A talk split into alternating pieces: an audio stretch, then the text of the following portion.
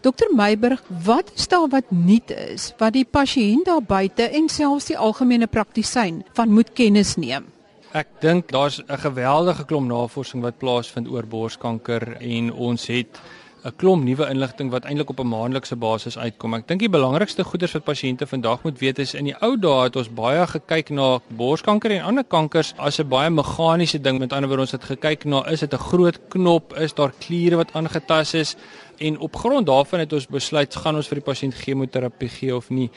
En wat ons besef nou is dat die dinge wat maak dat 'n kanker gevaarlik is of nie, is nie hoe hy van buite af lyk nie, maar eintlik wat sy persoonlikheid is van binne af. So as ons kyk na genetika in borskanker, dan die genetika is eintlik die programmering wat vir die kankersel sê hoe hy kan optree of nie kan optree. En daar's 'n groot klomp van die kankerselle waarskynlik omtrent 60 of 70% van hulle wat nie noodwendig die vermoë het om te kan versprei nie. En natuurlik wil 'n mens nie vir so 'n pasiënt onnodiglik iets soos chemoterapie gee nie. Ons wil baie graag probeer kyk watter pasiënt gaan die meeste voordeel daaruit kry en dan besluit kan ons vir jou chemo gee met met goeie voordeel of het jy 'n kanker wat dalk 'n goeie persoonlikheid het wat nie kan versprei nie en ons kan dalk net met hormonale behandeling vir so 'n pasiënt regkom met die nuwe ontwikkeling van middels wat al hoe meer volgens die genetika gerig is, met ander woorde getekende terapie. Dink jy dit sal miskien oor 'n klompie jare dalk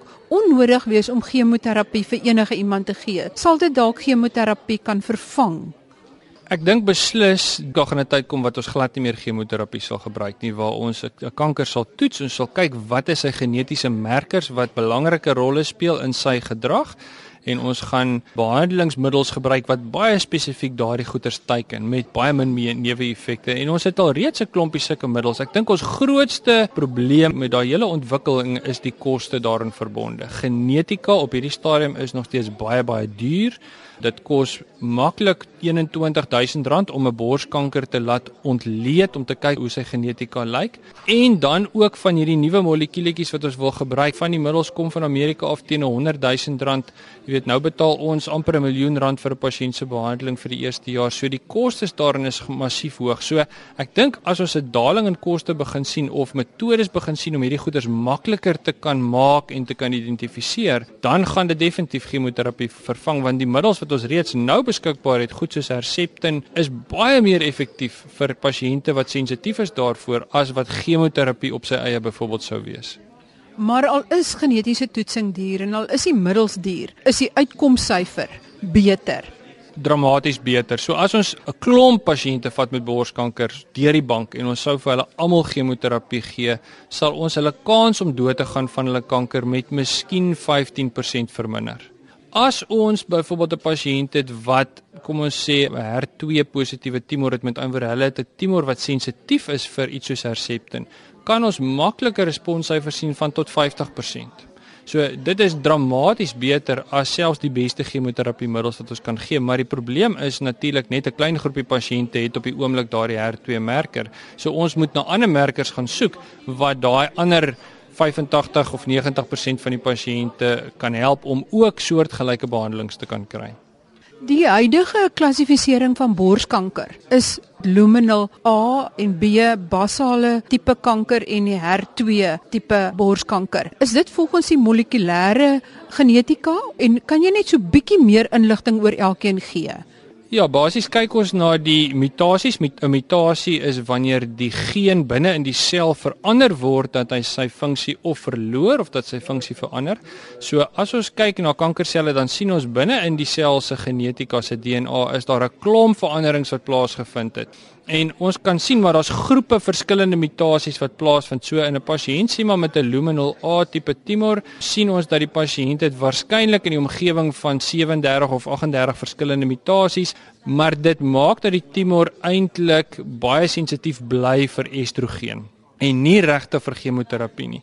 Die daarteenoor sê maar 'n HER2 tipe tumor sien ons dat daardie pasiënte maklike 120 verskillende mutasies het en dat hulle eintlik glad nie reageer op hormonale behandeling nie en daardie pasiënte reageer goed op dan 'n kombinasie van chemoterapie en Herceptin. So so ja, die die molekulêre subtipe deel eintlik die kanker op nie volgens hoe hy lyk van buite af nie, maar volgens wat sy genetiese profiel dan binnekant is.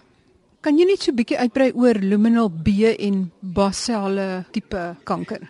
Die luminale tumore is tumore wat estrogen gevoelig is en ons kan daardie pasiënte behandel met anti-estrogen behandeling. En ons het 'n A en 'n B groep. Die A groep is die pasiënte wat eintlik nie vreeslik baie voordeel uit addisionele chemoterapie sal kry nie maar die luminal B tipe tumor is dan die tumor waar as ons wel chemoterapie bygee, sal ons waarskynlik 'n 25% addisionele voordeel kry bo en behalwe die anti-estrogen behandeling. Met die basal type soos die Engelse sê of die basale tipe, vind ons dat daardie pasiënte se estrogen paaie werk glad nie binne in die kankersel nie. Die kanker het eintlik weerstandig geword teen die estrogen. So al gee ons vir die pasiënt anti-estrogen behandeling, dit gaan waarskynlik nie help vir die pasiënt nie. En op hierdie stadium is eintlik die enigste behandeling wat ons het vir daardie pasiënt om vir hulle chemoterapie te gee. So dis juis in daardie groep pasiënte waar ons besig is om te kyk na is daar ander markers wat ons in hierdie pasiënte kan gebruik om beter resultate te kan kry. Hulle is relatief gevoelig vir chemoterapie meer as die luminal B en luminal A tipe tumore, maar dis nog steeds nie 100% nie. So dit is 'n groep waar ons nog steeds soek vir goeie terapie. As jy dan na die groepe kyk, watter groep sal jy as mens nou kanker het, val eerder in daardie groep? Natuurlik sal mense graag wil weet jy's 'n luminal A tipe tumor. In ons reeks is omtrent 66% of 60% van ons pasiënte wat estrogen sensitiewe tumor het, is luminal A tumore. So dis die pasiënt wat 'n pilletjie kan gebruik wat die estrogen afskakel of dit blokkeer en hulle waarskynlik nie hoef chemoterapie te kry nie. Ons praat natuurlik van pasiënte met vroeë kankers. Sodra dit 'n meer gevorderde of 'n verspreide kanker is, dan wil ons eintlik graag al die behandelingsopsies gebruik selfs switch so chemoterapie maar ja in beginsel as ek moet kies watter een is die beste dan is die luminal A pasiënte hulle langtermyn uitkoms en prognose is beslis die beste Dit was dan dokter Etienne Meiburg 'n chirurg by die Panorama Medikliniek in Kaapstad Nou is ons weer terug by professor Justice Apfelstedt van 'n baie bekende borskankersentrum baie naby aan die Panorama Medikliniek. Professor Affelstedt, kan jy vir ons meer vertel van die oorerflikheid van borskanker en die moontlikheid dat 'n dubbele mastektomie jou risiko vir borskanker kan verminder as jy, soos Angelina Jolie, die borskankergene bekend as BRCA1 en BRCA2 dra en waar borskanker baie sterk in die familie loop? Sou jy so 'n tipe Angelina Jolie operasie vir diegene wat die draers van hierdie BRCA1 en 2 gene is, aanbeveel? Kan dit hulle risiko ver genoeg verminder om hierdie dubbele mastektomie te regverdig? Ons doen elke maand een of twee van die uh, Angelina Jolie operasies. Ons het begin in die jaar 2004 of 2005 aan ons hier met genetiese uh, sifting in Suid-Afrika begin en ons het 'n groot belangstelling daarin. Duidelik stel ons ook vir pasiënte voor om as hulle geen draers is van hierdie gene BRCA1 en 2 dat ons vir hulle risikoreduksie mastektomies met onmiddellike rekonstruksie doen. Ook hier is 'n baie opwindende gebied van navorsing want jy het die hoë risiko genetiese afwykings wat er gewoonlik gesetel is in die gene boskanker geen 1 en 2. Maar dan is daar nog omtrent 10 ander gene wat dit vir jou ook 'n hoë risiko gee om boskanker te kry en ons weet nog nie hoe om hulle in die kliniese praktyk toe te pas want dit is nog te duur en te ingewikkeld. Maar die koste vir genetiese sifting en die uh, metodes word alsmaar meer gestandaardiseer en ek dink dan ons binnekort vir die sogenaamde geen P53 kan meet. Daar is nog ATM, daar is check, daar is ander gene wat dan almal fancy name het en vanne het. En dit sal ook baie van die evolueer in die nabye toekoms. Ek dink weer eens 5 tot 10 jaar sal die genetiese omgewing van borskanker sal heeltemal anders lyk. Like. Nie alleen maar het ons die hoë risiko gene wat dat jy afwyking het, dan het jy omtrent 8 tot 9 uit 10 kans om borskanker te kry. Maar wat dat ook 'n uh, baie groot gebied van navorsing is, is die uh, middelgroep van gene. Wat dat die risiko om borskanker te kry nie so hoog is nie, maar tog wel betekenisvol verhoog. Laat ons maar sien in 'n 3 van die vrouens wat dat hierdie afwyking het, kry dan wel borskanker. Daardie gene is bekend. Ons weet wat dat hulle is maar dis nog nie in die kliniese praktyk in dan is vir afwykings daardie gene kan soek en dan vir die pasiënt individuele raad kan gee. Maar dis ook 'n baie opwindende gebied van navorsing. Maar dis die toekoms.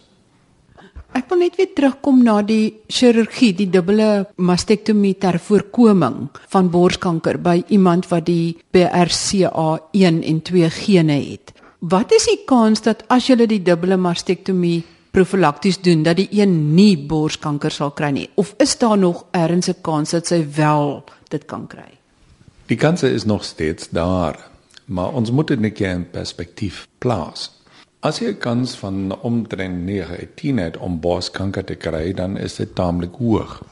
Dit is onmoontlik om die borskas-wand vry van enige borsweefsel te kry want daar's embriologiese ontwikkelingsrede daarvoor. Want jy vanaf die clavicles tot by die midline tot aan die ribberand is daar klein eilandjies van borsweefsel maar as ons 'n veldtepel en areola bespaande mastektomie doen verwyder ons die oorgrote meerderheid. En daar was 'n studie gedoen in die FSA wat dit die sogenaamde embrace study was wat dit hier nagegaan het op langtermyn, wat is die voorkoms van borskanker in pasiënte wat dat hierdie operasie ondergaan het teenoor pasiënte wat dat nie die operasie gehad het? En dit was duidelik gewys dat binne minder dan 10 jaar het omtrent 50 uit 100 van die pasiënte wat dat nie die operasie gehad het, het wel borskanker gekry wat teenoor slegs 2 uit 100 wat dit die operasie gehad het. Dus dit is 'n baie effektiewe operasie om die risiko te verminder. Dis hoekom dat ek ook risikoverminderings dit noem en nie profylakties want profylakties beteken dat die risiko 0 is maar dit is nie so. Maar ons moet dit ook dalk in 'n ander perspektief plaas. Die risiko van 'n vrou wat dit nie die genetiese afwyking het om borskanker te kry is omtrent 1 uit 10 en met hierdie operasie verminder jy die risiko en 'n vrou wat dit amper seker daarvan kan wees dat sy borskanker kry tot die risiko van omtrent die helfte van 'n normale vrou om borskanker te kry. En dis baie effektief. Dis nog 'n dramatiese vermindering. Die bekendste borskankergene, die BRCA1 en 2, word dit oorgeerf via die ma van die ma se kant van die familie af of kan dit ook via die pa se kant van die familie af oorgeerf word? En dikwels word daar gedink dit word deur die ma oorgeerf, maar die kans is ewe goed dat dit van die pa se kant af kom. En laat ek vir jou 'n voorbeeld noem. En kyk jy terug ek 'n pasiënt behandel wie se suster gesterwe het van borskanker op ouderdom, ek dink dit was in haar vroeë 30's. En die oorlewende suster was baie bekommerd en daar was geen borskanker in die geskiedenis van die familie nie. Toe vra ek vir haar, maar dit kan mos nie eintlik wees nie want as jy op so jonk ouderdom borskanker kry, is daar waarskynlik 'n familiegeskiedenis hoe lyk dit by jou pa? Toe sê sy vir my dat die pa se ma het borskanker gehad. En toe het ons dit nagegaan. Ons het vir die pa getoets vir die BRCA gene en het daadwerklik 'n afwyking in daardie gene gehad wat dat die hoë risiko van borskanker veroorsaak. Nou het ons vir die oorlewende suster getoets. Sy het ook daardie afwyking oorgeerf van haar pa. Dit sê dit ook baie hoë kans van borskanker gehad, net soos haar suster. Sy het toe verkies om die sogenaamde Angelina Jolie opsie te vat. Sy het 'n bilaterale mastektomie gehad met onmiddellike rekonstruksie. Sy is 'n baie attraktiewe vrou. Sy is nou nog steeds attraktief en hoef nou nie meer so baie te worry oor borskanker risiko. Maar hierdie geval illustreer die mite dat die borskanker kom van jou ma af. Nee, dis nie die ma, dis ewe goed die pa kan dit wees. En as die pa dit dra, kan hy borskanker kry of 'n ander soort kanker of raak hy glad nie siek nie. Die mans is dikwels wat ons noem die silent carriers. Dus hulle het nie eintlik ooglopende patrone van kanker, maar laat ek vir jou verduidelik, die uh, eh, BRCA gene 1 en 2 is nie eintlik borskanker gene nie. Hulle is gene wat dat algemeen kankers onderdruk. Hulle bo by die meganismes wat dat die liggaam het om kankers te voorkom. As jy 'n afwyking in daardie geen het en die geen funksioneer nie, dan sal jy kankers kry. Die borskankergene noem borskankergene omdat hulle in die vrouens gevind is. en eerste beskryf is. Want hierdie gene gee vir vrouens 'n baie goed beskryfde patroon wat dat eerste kry die vrouens borskanker so 10, 20 jaar later as hulle die borskanker oorleef, kry hulle kanker van die eierstokke en dan later nog steeds later kry hulle kanker van die kolon, kanker van die pankreas, kanker van die maag. Dus dit is algemene kankergene. En die mans, hulle kry ook kankers, maar hier is die kankerpatroon nie so reëlmatig soos by vrouens. Mans kry limfome, hulle kry vroeë en aggressiewe prostaatkanker, hulle kry borskanker, hulle kry velkankers, hulle kry kankers van die kolon, hulle kry kankers van die pankreas en nog ander meer. Dus hier is die patroon meer algemeen en dis hoekom dat dit by mans nie opgetel was maar eers by vrouens. Dis ook die rede hoekom dat mans die genderras is en dit met ewe goeie kans aan hulle dogters en ook aan hulle seuns kan oorgee net soos die vrouens. Sjoe, dis baie baie interessant. As jy 'n mastektomie doen, is die neiging nog steeds dat jy steeds net probeer om eers net die knop te verwyder in plaas van die hele bors en dan wil ek ook weet dat as jy wel 'n mastektomie moet doen, beveel jy aan en doen julle dit al hoe meer dat julle onmiddellik 'n borsrekonstruksie doen en of daar enige gevare of voordele daaraan verbonde is. Die gebiede van die behandeling van die bors het heel wat verander oor die laaste 10 jaar. Ons het in die jare 1980 onder my voorganger die bekende professor van Sale het ons begin met borsbehoudende behandeling. En dit was die lese in die uh, jaren 80 en 90. Ons moet eers die bos behou. In die jaar 1995 het ons begin met onmiddellike bos rekonstruksie na mastektomie. En in die 2000s het ons begin om die tegnieke daarvan te verfyn. En wat dan ons deesdae doen is dikwels 'n vel, tepel en areola besparende mastektomie waar die buitenste oppervlak en kontuur van die bos behou bly en ons vul dan die plek waar daar die klierweefsel van die bos was op met ofwel eierweefsel ofwel met 'n protese. En hier by ons is er omtrent 95 uit 100 vrouens wat dat uh, 'n mastektomie kry, kry 'n onmiddellike rekonstruksie. Nou sien ons ook dat die rekonstruktiewe tegnieke so ver gevorder het dat sommige vrouens sê nee, ek wil nie bosbouende behandeling hê want dan moet ek vir bestraling kom en bestraling, daar is ek te besig vir, ek kan dit nie hê nie. So ons het nou 'n beweging wat dat inkom waar dat ons weer meer mastektomies doen, maar dis nie die tradisionele mastektomie wat dat vir jou los met 'n lelike litteken op die boskaswand en 'n plat boskaswand. Jy is vermeng daarna, maar ons het dikwels nou mastektomies waar dat die bos lyk net dieselfde as voor die tyd. Ons noem dit vel tepel en areola bespaande mastektomie en dit is vir ons nou standaard. So daar's nie eintlik 'n kans dat van die kankerselle kan agterbly in die weefsel wat behou word nie. Dit kan selfs gebeur na 'n tradisionele mastektomie. Daar is bepaalde indikasies en uh reëls wanneer dat jy dit kan doen. Maar soos gesê, hier in die oorgrootste meerderheid van die pasiënte wat 'n mastektomie benodig, kan ons 'n soortlike vel tepel en areola bespaande mastektomie doen met onmiddellike rekonstruksie. Ons verstaan dat dit baie belangrik is dat die fisiese herstel van die uitwendige vorm van die vrou ook 'n baie belangrike bestanddeel is van die psigiese herstel van die vrou. Ek wil nog 'n ding byvoeg. Dit is baie moeilik om dit in die gewone praktyk te doen, want die chirurge het dikwels ook nog ander dinge om te doen want hiervoor het jy 'n span nodig. Jy het 'n chirurg nodig wat dat die tegnieke van velbesparende mastektomies beheer en wat dat hand in hand saam met die plastiese chirurg werk wat dan kom en die rekonstruksie doen want as die kankerchirurg maar net op sy eie aangaan en die veld nie voorberei vir die plastiese chirurg op aanwysings van die plastiese chirurg dan kan jy nie 'n ordentlike rekonstruksie meer doen nie. Wat ons nou des daar doen, byvoorbeeld is dikwels doen ons slegs 'n klein insnyding vanaf die tepel af na die vel wat dat onderkant die bors gelees en ons doen daaruit die uh, mastektomie en dan vul die plastiese chirurg die defek in of met eierweefsel of met 'n protese en op die einde lyk die bors heeltemal normaal met 'n litteken wat dit afloop van die tepel tot in die val. En dis al. As jy sê eie weefsel, is dit dan vetweefsel of wat is die eie weefsel? Gewoonlik is die pasiënte wat dat borskanker kry, is nie te jong nie meer. Hulle is gewoonlik 40 jaar en ouer. Omtrent 9/10 van vrouens wat dat borskanker kry, is ouer dan 40 jaar.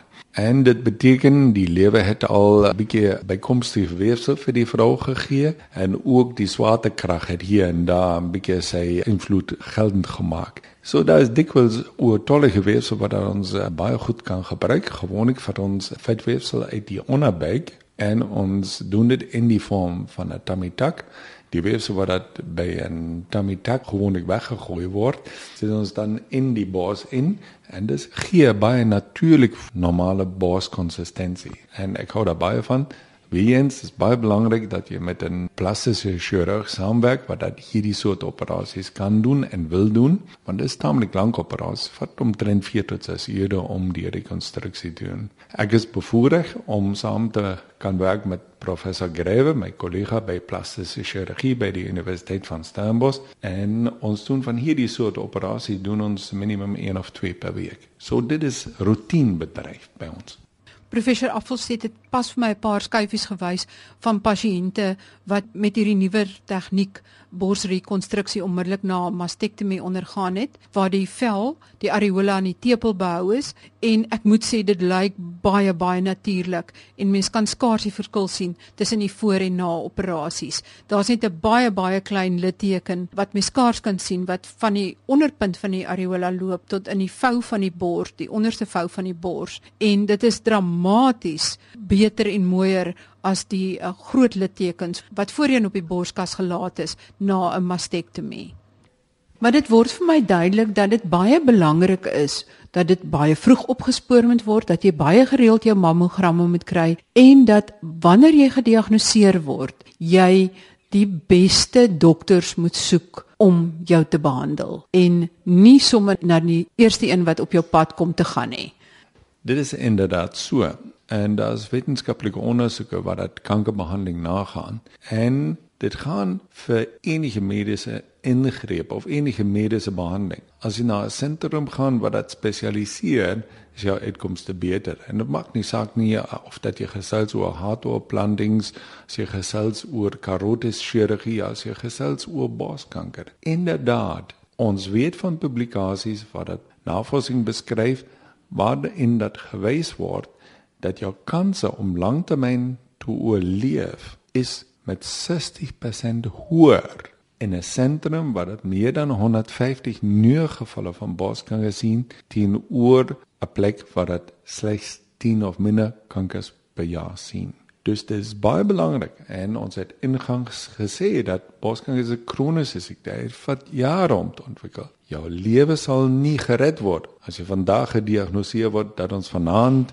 'n mastektomie doen. Dit sal nie 'n verandering bring nie in jou oorlewing. Dus jy tyd, jy kan dan rondtoer. Waar is die sentrum waar die meeste borskankers behandel? Hier in die Weskaap het ons twee groot senders, dis Grooteskuur en Tegeberg. Albei sien meer dan 400 nuwe gevalle. Hulle sien ergens waar tussen 400 en 600 nuwe gevalle van borskanker per jaar. In die privaat praktyk is daar min multidissiplinêre klinieke aanwesig, maar ook daar die plekke bestaan. Dit is dan professor Affelstedt se woorde, maar luister hoe die boodskap van Dr Etienne Meiburg byna presies ooreenstem met wat professor Affelstedt pas gesê het my boodskap vir pasiënte is dat borskanker is 'n hoogs gespesialiseerde siekte waar daar dokters en professionele mense is wat regtig gesubspesialiseer is in die hantering van hierdie siekte. En dit is beslis die moeite werd om te probeer as mense dit kan bekostig om by so iemand uit te kom om die maksimale voordeel te kan kry van hierdie nuwe tegnologie en potensieel die terapie wat daarmee saamgaan. Dit is aan die einde van vandag se program. Dit is deel van die reeksie oor borskanker. Volgende week sluit ek die reeks af. Stuur gerus julle vrae oor borskanker aan my by gesond@rsg.co.za en ek stuur dit aan vir professor Appelstedt wat dit dan in 'n spesiale program sal beantwoord. Tot volgende week dan, wanneer ons die reeksie afsluit en die week daarna kyk ons na skouerbeserings in ouer mense. Totsiens.